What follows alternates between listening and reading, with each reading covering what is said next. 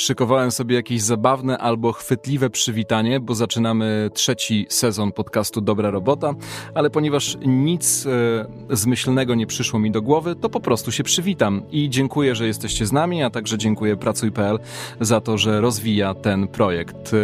E, za nami dwa sezony dobrej roboty, ten trzeci rozpoczyna się właśnie dziś. Ja nazywam się Bartek Czarkowski i przez pięć kolejnych tygodni będę towarzyszył Wam co czwartek z nowymi odcinkami i nowymi tematami, bo życie zawodowe i praca to temat tak dogłębny, że właściwie niewyczerpywalny. Za nami 10 odcinków, przed nami 5 kolejnych, a kto wie, czy o pracy nie da się mówić e, do setki albo nawet i dłużej.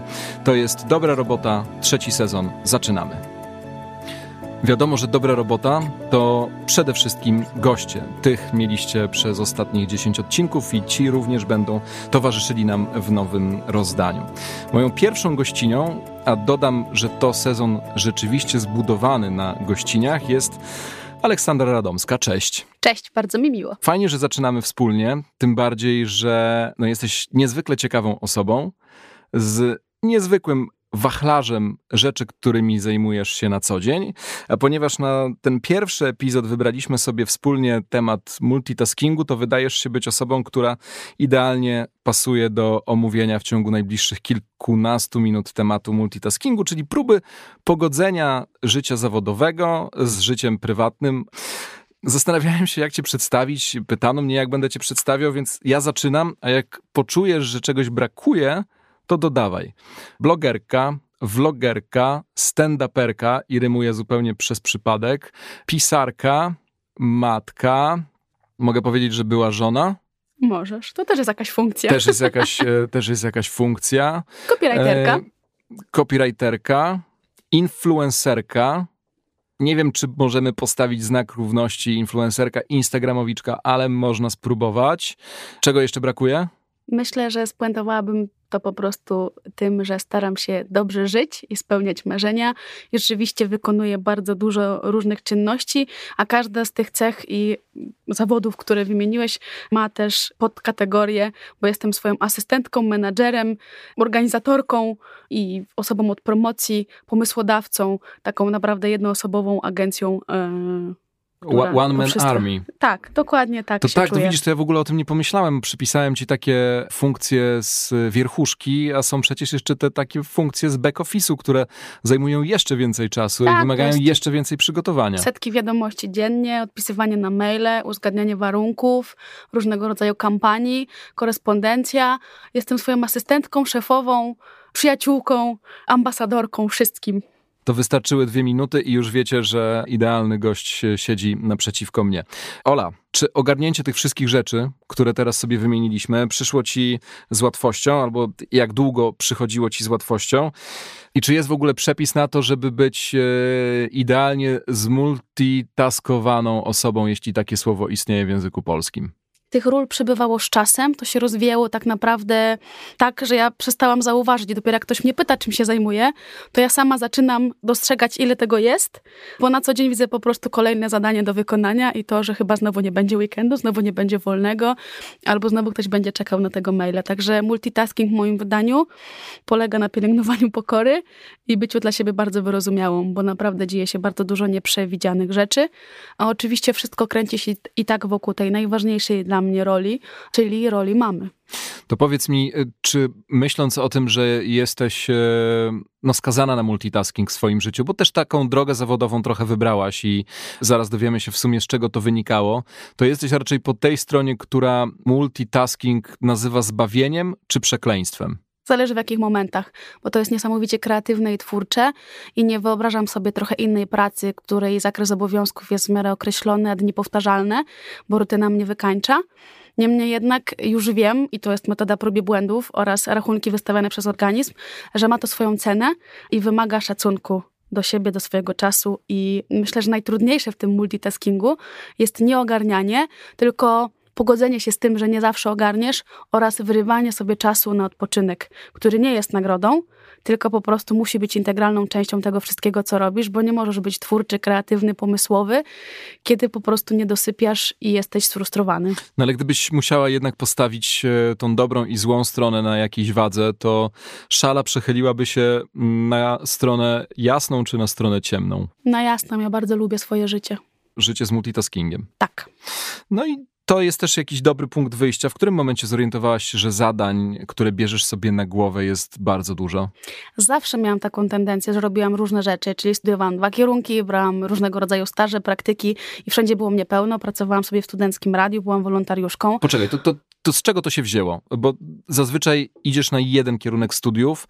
Pewnie teraz młode pokolenie robi to na kilka różnych sposobów, czyli zaczyna jedne studia, potem okazuje się, że one nie odpowiadają, więc bierze sobie drugie studia, ale raczej mało kto prowadzi je równolegle. A ty, rozumiem, prowadziła się w tym samym momencie na dwóch różnych kierunkach. Tak, bo nie chciałam się ograniczać i chciałam próbować różnych rzeczy. Akurat kierunek, który wybrałam, który nie cieszy się zbyt dużym szacunkiem społecznym, czyli socjologia, a potem literaturoznawstwo, dawały mi mnóstwo takich możliwości rozwoju, ale doskonale zdawałam sobie sprawę, że nie dają mi konkretu, jeśli chodzi o moją przyszłość zawodową, więc starałam się ten moment studiowania wykorzystać właśnie, no nie tyle zdobywanie kompetencji, to oczywiście też, bo każda praca czegoś uczy i chyba najwięcej te wykonywane jako pierwsze, kiedy jesteś najniżej i zarabiasz najmniej, bo wtedy uczysz się pokory i dowiadujesz się o ludziach najwięcej.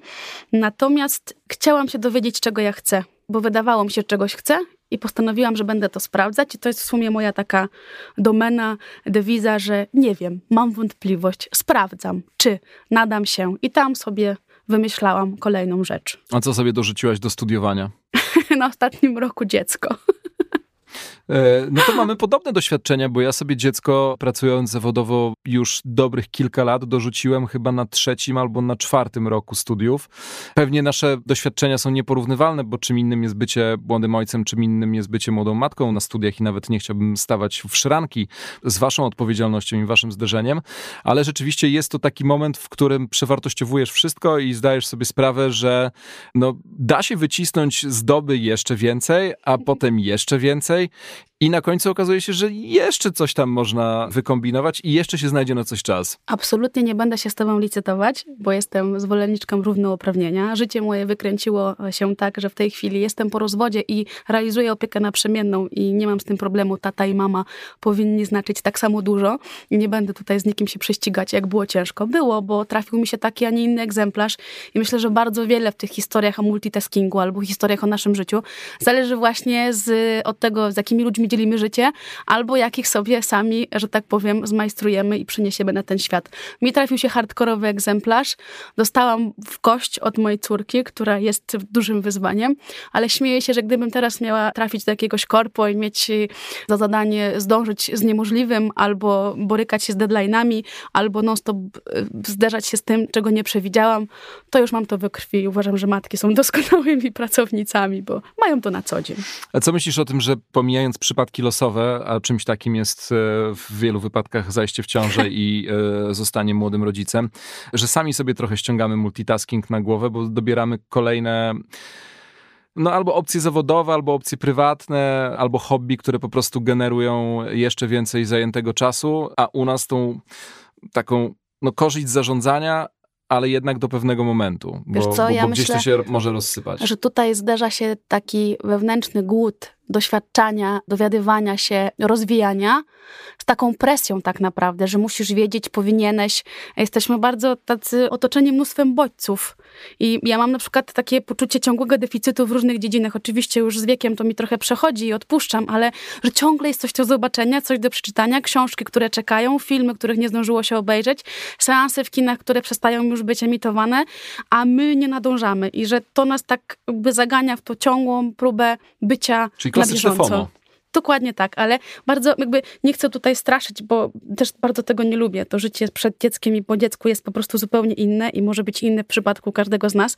Natomiast z uśmiechem podchodzę do tego, do czego pewnie ty też się uśmiechasz, czyli do faktu, że nie miałam czasu, zanim e, przyszło na świat moje dziecko. Wiem, że mam jedno dziecko i są pewnie wśród naszych słuchaczy rodzice multi, ale... A nawet w tym studio. Ja pamiętam swoją słodką naiwność, bo tak jak wspomniałam, zaszłam w ciąży na ostatnim roku studiów i postanowiłam, uwaga, nie bronić się wtedy w ciąży, no bo przecież małe dzieci wyłącznie śpią i jedzą. Będę z nią siedziała w domu, strasznie się nudziła.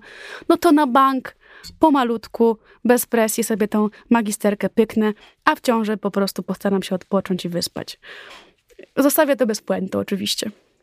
No dobra, to wróćmy, słuchaj, Ola, do tego piku twoich e, multitaskingowych e, okoliczności. Czy korzystałaś wtedy, albo korzystasz dzisiaj jako, mm, i chyba nie przesadzę, jeśli powiem, że do studia w Warszawie, gdzie nagrywamy ten podcast, nie przyjechałaś z Łodzi, gdzie na co dzień mieszkasz, tylko przyjechałaś e, z trasy. Jesteś w niej od dobrych kilku tygodni, codziennie mhm. realizujesz różne zadania zawodowe. Wspomniałaś o naprzemiennej opiece nad córką. Korzystasz z narzędzi, które ułatwiają ci organizacje, nie wiem, planery, kalendarze, aplikacje telefoniczne, internetowe. No wszystko to, co przynajmniej w założeniu twórców ma ten multitasking nam ułatwiać. A to jak z niego skorzystamy, to już inna sprawa. Wiesz, wszystko też jest y, zależne od osobowości. Ja niestety nigdy nie należałam do osób y, skrupulatnych i zorganizowanych. Jestem człowiekiem chaosem, więc było to dla mnie tym trudniejsze. I teraz rzeczywiście to życie wymusiło na mnie, żeby jednak troszkę tego bata nad sobą ukuć i z niego korzystać. Tak, wszystko zależy od mojego kalendarza. Tak jak powiedziałam, głównym fundamentem są tygodnie opieki nad Lenką. Staram się spędzać z nią jak najwięcej czasu. Rasa, o której wspominasz, trwa, ale odbywa się głównie w tych tygodniach, w których córka jest statą bo czas z nią jest dla mnie najważniejszy. Oczywiście nie zawsze wychodzi, jest mnóstwo frustracji nieporozumień i każde wolne popołudnie jest na wagę złota. No ale są takie momenty, w których musisz dzielić e, bycie rodzicem z e, byciem pracownikiem, mimo że jesteś samozatrudniona i trochę sama decydujesz o tym, co w danym momencie robisz. No pomijam takie sytuacje jak wyjazd. No, nie wpłyniesz na to, że ktoś zabukował cię na 20, nie wiem, 7 listopada, musisz tam po prostu być i, e, no, i wystąpić. Mogę też się nie, zgodzić Możesz się nie zgodzić, i muszę ale... przewidzieć to tego 27. Oczywiście z dzieckiem przewidywanie też jest bardzo słodkim zjawiskiem. Wiesz co? Różne etapy rodzą różne ograniczenia i różne możliwości. Mówimy o multitaskingu, o robieniu wielu rzeczy jednocześnie, a ja chciałabym położyć akcent na pokorę, i na mierzenie siły na zamiary. Oczywiście ja, ja jakby to takie dosyć naiwne, bo często zdarza mi się przekozaczyć i to się kończy krwotokiem z nosa, więc to nie jest tak, że jestem w tym świetna. Ćwiczę co, i badam co to znaczy? granice. Czy możesz nam podać e, taki przykład przekozaczenia w twoim życiu Wiesz co, no jeżeli ustawię sobie na przykład y, trzy występy w tygodniu, potem wiem, że jestem z córką, a potem mam jeszcze jakieś spotkanie służbowe, a potem mam do dokończenia kampanię i wiem, że nie przespałam ciągiem 6 godzin, to mój organizm po prostu wystawia mi rachunek i wiesz, no zdrowotne konsekwencje tego intensywnego trybu życia też już ponoszę i zdaję sobie z tego sprawę, ale powiedzmy jestem w takim procesie klarowania się tego, jak ono będzie wyglądać. Ale mówiąc o tym, że wszystko zależy od momentu, no moja córka ma w tej chwili 8 lat. Więc to już jest człowiek, z którym możesz ponegocjować, możesz się porozumieć, możesz starać się dogadać, możesz coś przełożyć. Natomiast no to 8 lat ma od niedawna. Kiedy była dużo mniejszym dzieckiem, z którym nie ma negocjacji, no to po prostu była najważniejsza i robiłam wtedy absolutne minimum. I to nie jest tak, że się da i że zawsze można, bo ja będę to powtarzać cały czas, że przez to ona bardzo mało spała, a ja nie miałam pomocy ze strony bliskiej, bo nie mieszkali w tym samym mieście, to moje początki, czy nawet te pierwsze trzy lata życia Lenki były podporządkowane jej i ja pracowałam tak naprawdę tylko z doskoku i to był taki moment w moim życiu, że ona bywała w żłobku kilka razy w tygodniu, tylko na kilka godzin, a ja wszystko, co zarobiłam, przeznaczałam na to, żeby ona w nim była, żebyśmy miały jakąś taką przestrzeń bez siebie. I bardzo się bałam, że to się nigdy nie skończy i że jakby ja wypadam z tego rynku pracy, że w moim zawodowym życiu się już nic nie nie wydarzy. Mhm. A teraz y, wspominam to z uśmiechem i to staram się mówić dziewczynom, które mnie obserwują, że cokolwiek się nie dzieje, to jest tylko etap. Teraz mam trochę więcej możliwości i mogę trochę oddać dzięki temu, że wtedy nie zaniedbałam swoich tam ambicji i projektów zawodowych, które może nie przynosiły zysków, to one zaprocentowały teraz i mogę dać swojej córce więcej. Nie mówię tylko o kwestiach materialnych, ale chociażby o poczuciu bezpieczeństwa, bo skoro wiem, że, że śpię spokojnie z miesiąca na miesiąc, że jestem w stanie nas utrzymać, to to sprawia też, że jestem inną mamą, tak? Mniej zestresowaną i sfrustrowaną. A poza tym no, jestem też szczęśliwym człowiekiem, więc mam nadzieję, że może ona teraz się frustruje, że często wyjeżdżam, że zostaje z, czasem z babcią, czasem z ciocią, to jest wielka kombinacja. Czasami jeździ ze mną na występy, tak jak była ze mną, kiedy występowałam na TEDxie w Koszalinie. I mam taką głęboką nadzieję.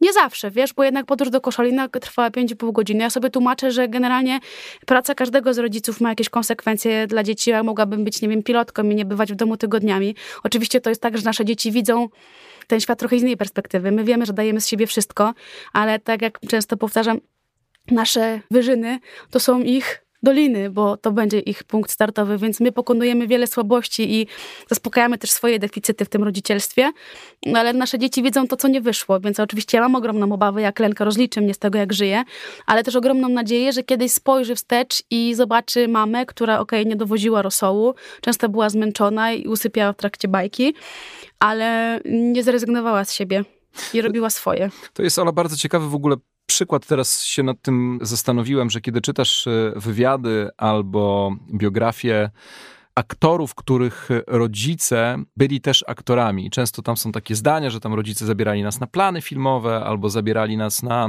na sceny teatralne i staliśmy gdzieś za kulisami, to zazwyczaj ten obraz, który z tych tekstów e, wydaje się być taki idylliczny, że no nic tylko wychowywać się w teatrze albo nic tylko wychowywać się na planie filmowym i łapiesz bakcyla, potem zostajesz e, aktorem ale i ty masz pewnie takie doświadczenia, i ja jako rodzic mam takie doświadczenia, że jak zabierasz dziecko gdzieś w tą swoją przestrzeń zawodową, to ono wcale nie jest takie zachwycone tym, co je otacza i no nie siedzi z otwartymi ustami i chłonie całą sytuację, myśli sobie, wow, jakie moja mama robi świetne Wiesz rzeczy. Co? Ja myślę, że muszę podkreślić, że na przykład nie zabieram córki na stand-up, tak, że są pewne granice. Oczywiście to jest A ten moment, języka, który... czy... No wiesz, no ona ma 8 lat, to nie jest coś, co powinna teraz o mnie wiedzieć, jednak staram się mieć w jej oczach jakiś autorytet i ciężko będzie mi się obronić w niektórych momentach, a nie wytłumaczyć jej, że to jest tylko praca czy konwencja. A bo... myślisz, że inaczej by na ciebie spojrzała, jakby zobaczyła cię na scenie Wiesz co? na stand-upie? Lenka jest trochę rozdarta, bo z jednej strony jara się tym, że mama jest w jakiś sposób osobą rozpoznawalną i lubi, jak ktoś zaczepia mnie na ulicy, okay. ale na przykład to jest takie bardzo dziwne, bo cieszy się, taki głupi przykład, ja mam kolorowe włosy, więc jakby zaraz przykuwam uwagę, jestem taką matką jednorożcem trochę. I ona w kontekście swoich rówieśników lubi to, ale wiem, że prywatnie wolałaby, żebym była tą mamą ze swoimi własnymi włosami, tą zwyczajną, która siedzi, ogląda z nią bajkę. Więc myślę, że to jest nie do pogodzenia. Ale ty mówisz o tych wywiadach dzieci aktorów. Wydaje mi się, że to jest jakiś ułamek i procent i wyrywek rzeczywistości, bo bardzo dużo z tych dzieciaków myślę, że znienawidziło ten tryb życia i wybrało jednak alternatywną drogę, tak zwaną normalną pracę w określonych godzinach, a nie bycie zależnym od tutaj koniunktury czy mody, bo w tych zawodach no tak to jednak wygląda. Kim będzie Lenka, nie wiem. Jeśli chodzi o nasze wyjazdy, zwykle jest ok, aczkolwiek mnie to kosztuje mnóstwo energii, bo nie jestem już w pracy, tylko jestem też mamą, więc skupiona jestem, moja uwaga... Multitasking do potęgi. Czuję, czuję że nie, jakby mam poczucie, że nie dowożę jako ta osoba w pracy. I rzeczywiście to było trudne, bo trafiły nam się zarwane noce, długa podróż. Natomiast sam ten moment w którym moje dziecko jest z mm, plakatem zrobionym własnoręcznie, z błędami ortograficznymi. Mamo, jestem dumna, kocham cię. I siedzi w pierwszym rzędzie. No jest to dla mnie coś magicznego. Dużo kosztuje, ma bardzo wysoką cenę, ale to akurat było piękne. Tylko też się nie przyzwyczajam i też trochę pocieszam się, że są pewne braki, które wynikają z naszej sytuacji, ale też możliwości i rzeczy, które pracując normalnie nie mogłabym jej zaoferować. Więc tak trochę staram się przed sobą rozgrzeszać, ale tak naprawdę rozliczą nas dzieci, a cokolwiek to inny powie, to już jest mniej istotne. To jeszcze jedno spostrzeżenie, bo na chwilę chciałbym się odnieść do badań portalu pracuj.pl. Przypominam, że to jest dobra robota, czyli podcast realizowany we współpracy z pracuj.pl. To badania dotyczą roku 2020. 8 na 10 rodziców uważa, że praca zdalna spowodowana przez panującą wtedy pandemię koronawirusa, czyli ten taki pierwszy hardkorowy lockdown, sprawiała im większe trudności niż pracownikom, którzy nie mają dzieci. I tak sobie myślę, twoja córka ma teraz 8 lat, mhm. zaczęła szkołę mhm. podstawową, Dokładnie. zostaje ci trochę więcej czasu na swoje rzeczy wtedy, kiedy ona idzie do tej szkoły, zakładając, że nie ma nauczania zdalnego. A z kolei to, co się działo te półtora roku temu, marzec, czerwiec 2000 i później już to jesienne zamknięcie, ono cofnęło rodziców dorastających dzieci do takich początków, kiedy musisz być z tym dzieckiem właściwie 24 godziny na dobę, że to powtórka takiego doświadczenia pierwszego wychowywania dzieci, zwłaszcza w wypadku niepracujących mam, czy mam na urlopie macierzyńskim. Trudna taka historia, kiedy musisz sobie znowu powtórzyć obecność w domu przy dziecku 2-4 na dobę mhm. i ten multitasking chyba wtedy stał się no, czymś koniecznym dla większości społeczeństwa, bo czy pracowałaś w godzinach e, swobodnych, takie nazwy jak w twojej pracy, czy pracujesz między 10 a 18 i musiałeś być przy komputerze, no to wszystkich mieliśmy właściwie na podobnym poziomie, bardzo trudnym w tym multitaskingu. Wiesz co, ja myślę, że bardzo ważny w tym, na tym etapie akurat konkretnym, aczkolwiek przykładowym, było szukanie mądrego wsparcia. I ja wiem, że internet jest pełen pięknych, zdolnych, utalentowanych ludzi, którzy doskonale sobie radzą, mają szczęśliwe rodziny, uśmiechnięte, śliczne dzieci, które chodzą spać o 20.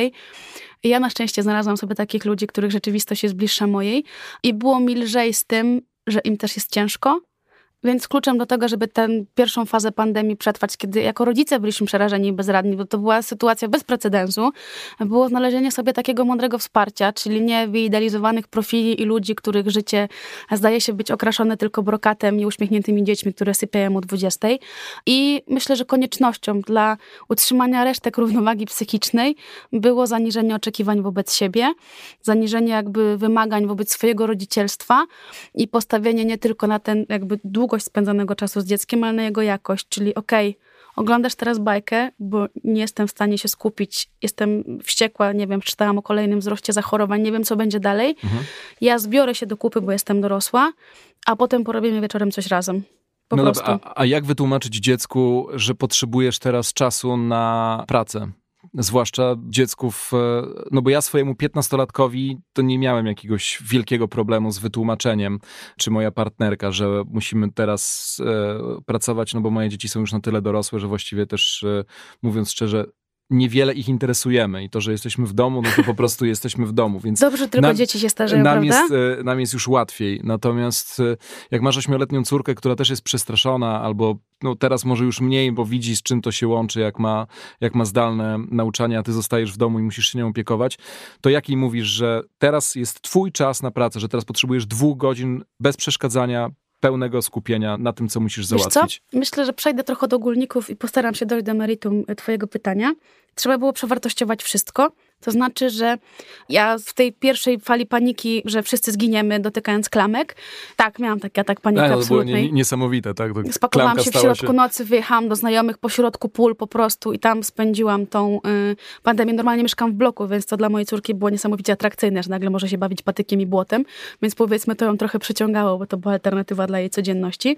A akurat byłam w takiej sytuacji, w której mój były już teraz mąż przysługiwało nam zwolnienie na dziecko, tak? Ten, mhm. Więc on teoretycznie teoretycznie też był na, teoretycznie i praktycznie był na tym zwolnieniu, a ja starałam się w miarę możliwości pracować, więc w razie czego odsyłałam do taty, który też był na posterunku, więc zdaję sobie sprawę, że to była w miarę uprzywilejowana sytuacja, bo jednak byliśmy we dwoje, dziecko było jedno, ale praca przy ciągłym mamo, mamo, mamo, mamo, mamo, mamo, mamo, mamo, mamo, mamo była, no, cieszę się, że że przetrwałam, no cóż mogę powiedzieć. Ale wiedziałaś, jak i wytłumaczyć, że potrzebujesz tego czasu teraz dla siebie i że dla siebie, no dla, tak naprawdę także dla niej, no bo no, twoja praca to, to nie jesteś zadowolona z tego, jak... Nie jestem z tego dumna, ale no myślę, że każdy rodzic, y, który ma bardzo szlachetne założenia, jakby najlepszymi rodzicami jesteśmy, zanim posiadamy dzieci, wtedy jesteśmy najmądrzejsi, mamy mnóstwo złotych zasad i sprowadzenie nas przeżycie na ziemię jest bardzo takim y, ciekawym doświadczeniem.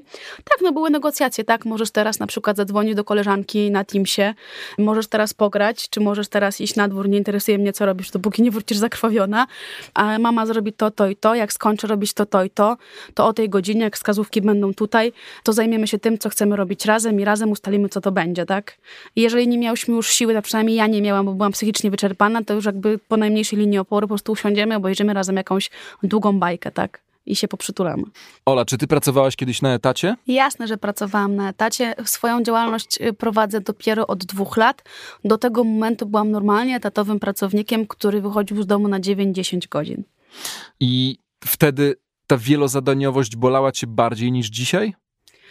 byłam fizycznie bardziej zmęczona, bo jednak nie mogłam wydrzeć w ciągu tych 10 godzin, na przykład godziny na drzemkę, czy odpoczynek, czy spacer w celu przewietrzenia głowy ale też nauczyłam się chodzić na kompromisy, czyli jeżeli wiedziałam, że nie mam mnie w domu tyle godzin, to miałam w lodówce sporo półproduktów, to może dietetycy nie będą dumni, ale jednak ten obiad mógł zrobić się szybciej, czy nie miałam do siebie pretensji, kiedy usypiałam razem z dzieckiem o godzinie 20, co zdarzało się notorycznie i wiele razy budziłam się rano e, już w pełnym rynsztunku, e, oczywiście żartując do wyjścia. Czyli jednak zażywałaś kąpieli, przebierałaś się i dopiero wychodziłaś do przedszkola, potem do pracy. No w korporacjach i wśród tych osób, które nie mają może tyle szczęścia, co my, że mogą sobie trochę tym e, czasem w ciągu dnia dyrygować według własnych potrzeb, nawet wykonując e, dużo zadań, no te osoby w tej wielozadaniowości często się spalają. Miałabyś dla nich jakąś poradę, gdzie szukać tego momentu granicznego i no chyba najważniejsze nie przekraczać go, tylko e, powiedzieć sobie stop. I one są oczywiste, ale przychodzą ludziom z trudnością. Szukaj wsparcia, proś o pomoc, nie jesteś robotem, e, nie masz więcej sił, energii i możliwości niż inni ludzie. Nie przeceniaj swoich możliwości. To oczywiście jest piękne sobie tak powiedzieć, ale może skończyć się czkawką. I takie proste rozwiązania. Możesz nie mieć opieki do dziecka, ale na pewno masz w swoim bloku okolicy sąsiadkę, która ma dzieciaki w podobnym wieku, jesteście w podobnej sytuacji i naprawdę takie dzieciaki podrzucane sobie nawzajem sprawiają, że ty zyskujesz godzinę, dwie na zakup, odpoczynek, cokolwiek. One ze sobą się bardziej integrują i możesz ten czas wyrwać. Jest a, czasem rzeczy... nawet, a czasem nawet powstaje przyjaźń na całe Jasne. życie. Moja mama e, kiedyś poprosiła o pomoc jeszcze w latach 80. i e, do dzisiaj ludzie, którzy zaopiekowali się moją siostrą, są jej e, przyjaciółmi, więc. Poza tym żyjemy w takich historia. czasach, że bardzo wiele rzeczy można przewidzieć. Można skorzystać z planerów posiłków. Mam mnóstwo znajomych w sieci, które tworzą e-booki, na przykład, które pomagają przygotować plan posiłków dla rodziny, mieszczący się w naprawdę takim groszowym budżecie. Więc to nie jest tylko coś zarezerwowanego dla wybranych w luksusowej sytuacji, mieszkających w Warszawie w pięknym domu, tylko trzeba kombinować i szukać tych możliwości. Zamrażać żarcie, wysypiać się, odpuszczać to, co nie jest konieczne, nie mieć do siebie pretensji, jak choinka z prania wisi i leży i rozumieć, jak wiele nas to kosztuje i być dla siebie wyrozumiałym po prostu. Skorzystam z okazji i taki delikatny spoiler alert. A propos jedzenia do pracy i przepisów, to w tym sezonie dobrej roboty będziemy mieli dla Was małą niespodziankę, ale to w kolejnych epizodach. Ola, Odwołując się do badań Pracuj.pl z ubiegłego roku, rodzice pracujący w domu wykonują obowiązki w innych godzinach niż standardowe, aby pogodzić rolę pracownika z rolą rodzica i podobno takich osób według tego badania była większość. Nie dziwię się, bo sam też w tej pierwszej fali y, pandemii rozciągałem pracę właściwie od 8 do 20 albo 22. No i tutaj chyba środek ciężkości leży w osobach, które zarządzają naszą firmą i jeśli one wykazują zrozumienie dla tych pracowników, którzy mają życie rodzinne powiększone właśnie o dostawkę pod postacią dzieci, no to jest trochę łatwiej. Jeśli szef tego nie rozumie, no to trzeba naprawdę się nieźle gimnastykować i ta wielozadaniowość przynosi sporo stresu. Powiedziałaś o tym, jak ty się z nią mierzyłaś, ale trafiają do ciebie ze względu na twoją popularną rolę w internecie takie historie osób, które miały, no przerąbane mówiąc wprost. Tak. I, i, I co tam czytałaś? No, że to jest dramatycznie trudne że ten stres windowany tak naprawdę z każdej strony. Z tego, że nie dowodzisz jako rodzic, nie dowodzisz jako pracownik, twoja sytuacja jest niepewna w zasadzie na każdym polu. Sama, sam czujesz się bezradny i przerażony, a jednocześnie musisz dać komuś poczucie bezpieczeństwa. Teoretycznie moja praca jest dość elastyczna, bo ja mogę decydować, co bardzo mi się to podoba, kiedy będę pracować, co oznacza, że mogę pracować zawsze i wszędzie, co oznacza, że zawsze mam ze sobą, jestem pod mailem, pod telefonem. Co oznacza, i... że zawsze jesteś tak, w pracy. jakby nie mam urlopu. Czegoś takiego jak tydzień urlopu nie doświadczyłam od wielu wielu, wielu, wielu, wielu, wielu, wielu, wielu lat. Natomiast to jakby ja nie jestem jakby takim wolnym elektronem. No, moja praca jest związana z pracą ludzi w firmach, które funkcjonują w normalnych godzinach, więc to nie jest tak, że ja sobie to mogę rozciągać w nieskończoność. I moja praca też tak wygląda, że ja zaczynam, kiedy Lenka jeszcze śpi, potem kiedy jest w szkole, mam te 3-4 godziny, potem ją odbieram, potem siadam wieczorem. Wszystko, co mogę, przepycham na te tygodnie, kiedy jest statą i to jest naprawdę bardzo duża akrobatyka, ale tak naprawdę w tym momencie, o którym mówimy, szczególnie a propos tamtego roku, to chyba jedynym sposobem to było znalezienie właśnie ludzi, którzy powiedzą: Tak, też mi jest ciężko. To jest w zasadzie nie do zrobienia i albo przyjmiemy, że to się zdarza, albo się wykończymy psychicznie. No i tyle. No dobra, to ja muszę wyciągnąć od ciebie Dobrze, e, jakieś porady, także na bazie właśnie twoich kontaktów e, z czytelnikami, czytelniczkami, oglądającymi, komentującymi. Jak wyciągać te pozytywne strony multitaskingu? czy tej wielozadaniowości, która no, siłą rzeczy pojawia się w naszych życiach, to już omówiliśmy, mhm. ale musimy sobie tego potwora trochę oswoić.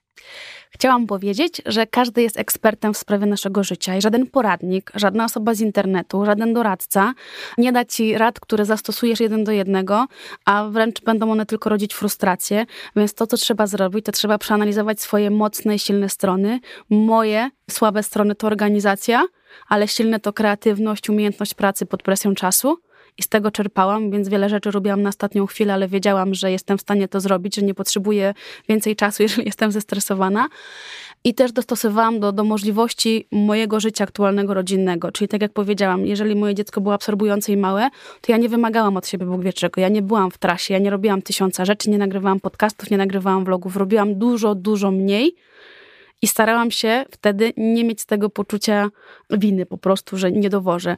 Bo każdy ma inną sytuację i tych poradników jest bardzo wiele i mądrych ludzi, którzy, nie wiem, czy na pewno słyszałeś to, jak miałeś dzieci, śpi, kiedy dziecko śpi. Nie wiem, czy słyszałem, ale na pewno też tego nigdy nie zastosowałem, bo to jest... E, e Słodkie takie, naiwne, no ale raczej, właśnie... Raczej, raczej niemożliwe. Ale myślałaś nad tą organizacją, bo mówisz, że jesteś słabo w organizacji. Myślałaś, mhm. żeby to zmienić i co to właściwie znaczy, że jesteś słabo w organizacji?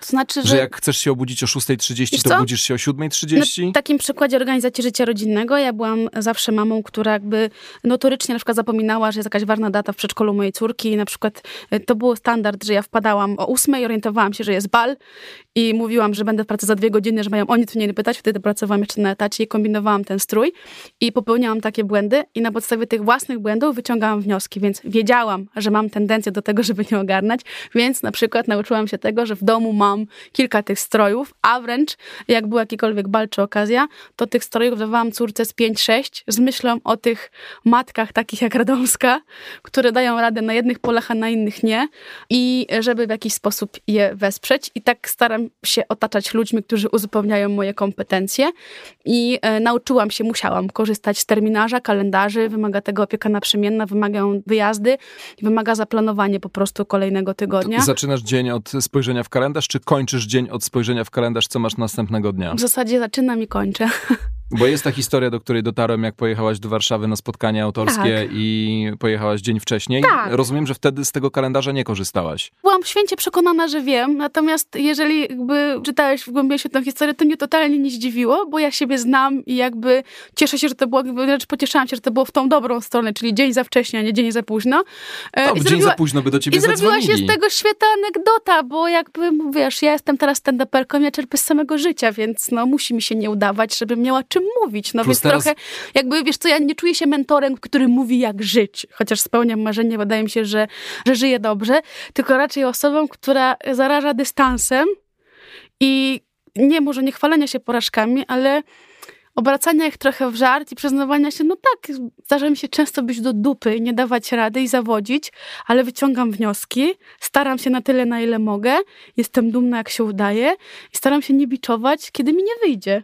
Czy w takim razie jedną z porad może być wyciąganie wniosków, a drugą Jasne. ja ci mogę podrzucić e, i może się z nią zgodzisz, a może nie, podyskutujemy, że elastyczność to jest klucz do multitaskingu? Tak, i tak by na żywym organizmie praca, dostosowanie możliwości do okoliczności.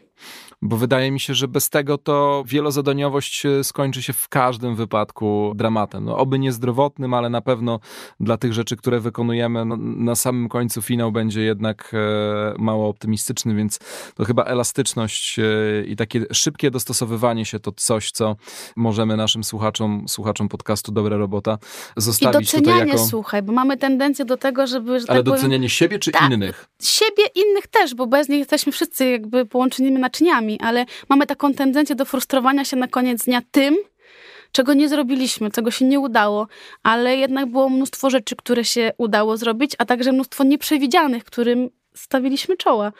I jakby to nie jest tak, że się naiwnie pocieszam, tylko uważam, że no takie jest życie, to nie jest plan to nie jest lista zadań do wykonania i fakapy są integralną częścią naszej codzienności i jeżeli będziemy o nich otwarcie mówić, wtedy wszystkim nam będzie żyło się lżej, a wręcz będziemy bardziej przygotowani na to, co może się nie udać i mądrzejsi na przyszłość. No nic nie jest lepszym nauczycielem niż własne doświadczenie. A myślisz, że tej wielozadaniowości, ale w jej pozytywnym aspekcie można się nauczyć albo wypracować w takich dobrych metodach, czy no, trzeba się z tym urodzić i albo się dogadasz ze swoim organizmem, albo poległaś? Myślę, że można wypracować, tylko wtedy rzeczy, które niektórym przychodzą z łatwością, ja celebruję jak wielkie święto, czyli wow, jako karne, nie ma żadnego fakapu, wszystkie sprawdziany, córki są, jesteśmy przygotowane, no bo siedzimy nad tym razem, maile dowiezione, kampanie podomykane, statystyki wysłane, występy ustalone w terminach, w których jestem elastyczna, to mam ochotę po prostu bić brawo, mimo że ktoś powiedziałby, no stara, ale jakby masz 32 lata, to jest twoja rzeczywistość i jakby nie ma tutaj powodu do poklasku. Dla mnie jest. Ja jakby rzeczy abstrakcyjne i absurdalne mnie nie przerastają. Codzienność jest dla mnie ogromnym wyzwaniem.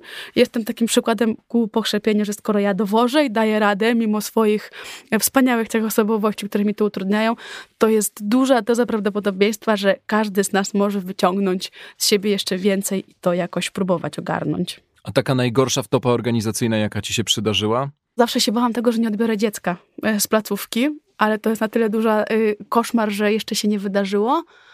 No, zdarzyło mi się chyba ostatnio przypadkowo zaplanować występ w tygodniu, kiedy, kiedy jednak jestem mamą. I strasznie mi było głupio, bo po prostu straciłam kontrolę. Źle spojrzałam na kalendarz, to taki też klasyk w moim. Może to nie było tak straszne, ale w mojej obecnej sytuacji tej opieki naprzemiennej to jest y, bardzo stresująca dla mnie. To może ty oprócz kwestia. planera, kalendarza i aplikacji potrzebujesz po prostu osoby, która będzie odpowiednio odczytywała te e, Mhm. daty i zadania przeznaczone na kolejny dzień, tydzień, miesiąc. Po pierwsze uczę się oddelegować obowiązki, to też jest bardzo ważne, bo jakby nie będę Czyli niedługo... chcesz, chcesz zrezygnować z multitaskingu? Nie, tylko mądrze nim rozporządzać, bo multitasking nie musi oznaczać tego, że robisz wszystko sam, Mhm. ale że mądrze rozporządzasz i pewne działania, do których jesteś mniej predestynowany, jesteś w stanie oddelegować i nadzorować, pomocując się ludźmi, którzy po prostu są w tym lepsi i otaczam się ludźmi, którzy doskonale rozumieją, jak wygląda styl pracy ze mną, czyli wiedzą, że trzeba mi dwa, trzy razy przypomnieć, a że ja jak czegoś nie dowożę, to nigdy nie jest to e, spowodowane złymi intencjami i że, i że się bardzo staram. I zwykle wychodzi, no bo jednak jadę już któryś rok z kolei i to się kręci, tak? A czy ja dobrze usłyszałem kilka minut temu, że ty nie byłaś na urlopie od wielu, wielu lat? Takim długim tygodniowym bez telefonu nie. No, nie, nie przesadzałbym, że długi to ten tygodniowy. To ty w ogóle odpoczywasz, czy nie? Wiesz co, no jeżeli jakby, oczywiście no byłam na wakacjach z córką, ale jakby nie nazwałam odpoczywaniem pobytu nad morzem z kilkoma kilkulatkami, więc okej, to jakby w takich kategoriach społecznych być może był to urlop, ale w kategoriach tego, co ja potrzebuję, absolutnie nie. Jestem na etapie redefiniowania i mam w planach swój własny, osobisty urlop, taki bez telefonu i jaram się jak dziecko, to może być nawet w Radomiu, nie ma to największego znaczenia i uczę się, wyciągam wnioski i będzie tak. A będzie to urlop dłuższy niż tydzień? E, nie, bo nie mogę sobie na to pozwolić, ale robię sobie wolne dni i w związku z tym, że pracuję w weekendy, pracuję w tygodniu, pracuję nocami, to bezczelnie robię sobie weekendy w środku tygodnia i wtedy znikam, wyłączam telefon, nikt nie wie, co robię, gdzie jestem, wtedy się wyciszam i odreagowywuję to wszystko, więc y, umiem odpoczywać, tylko po prostu no nie każdy sobie może pozwolić, żeby jechać kilka razy w roku na zagraniczne wakacje i nie ma się co z tego powodu frustrować. Na tyle, na ile mogę, to się staram. To prawda, ale tego e, tygodniowego urlopu co najmniej bardzo ci życzę i także kogoś, kto zadba o to, żebyś go nie przegapiła i e, e, nie uciekła gdzieś w multizadaniowość. Nie ogarnie logistykę, tak, tak. Ola, ja już jakby odpoczywanie wezmę na siebie. Ostatnie pytanie, właściwie takie podsumowanie, które chciałbym, żeby było radą dla słuchaczy dobrej roboty i naszej rozmowy. Jedno, dwa zdania dla tych, którzy cały czas z przerażeniem myślą o wielozadaniowości albo o multitaskingu. Jak możemy im poprawić humor na koniec naszej rozmowy i na co najbardziej zwrócić uwagę? Na tą elastyczność, czy na to wyciąganie wniosków, czy może jeszcze na coś innego? Na elastyczność, na pokorę i bycie dla siebie wyrozumiałym, bo nie ma nauki bez błędów. Po prostu. I tu stawiamy kropkę. To był pierwszy epizod trzeciego sezonu Dobrej Roboty. Moją gościnią była Aleksandra Radomska. Bardzo Ci dziękuję za odwiedziny. Bardzo dziękuję za zaproszenie.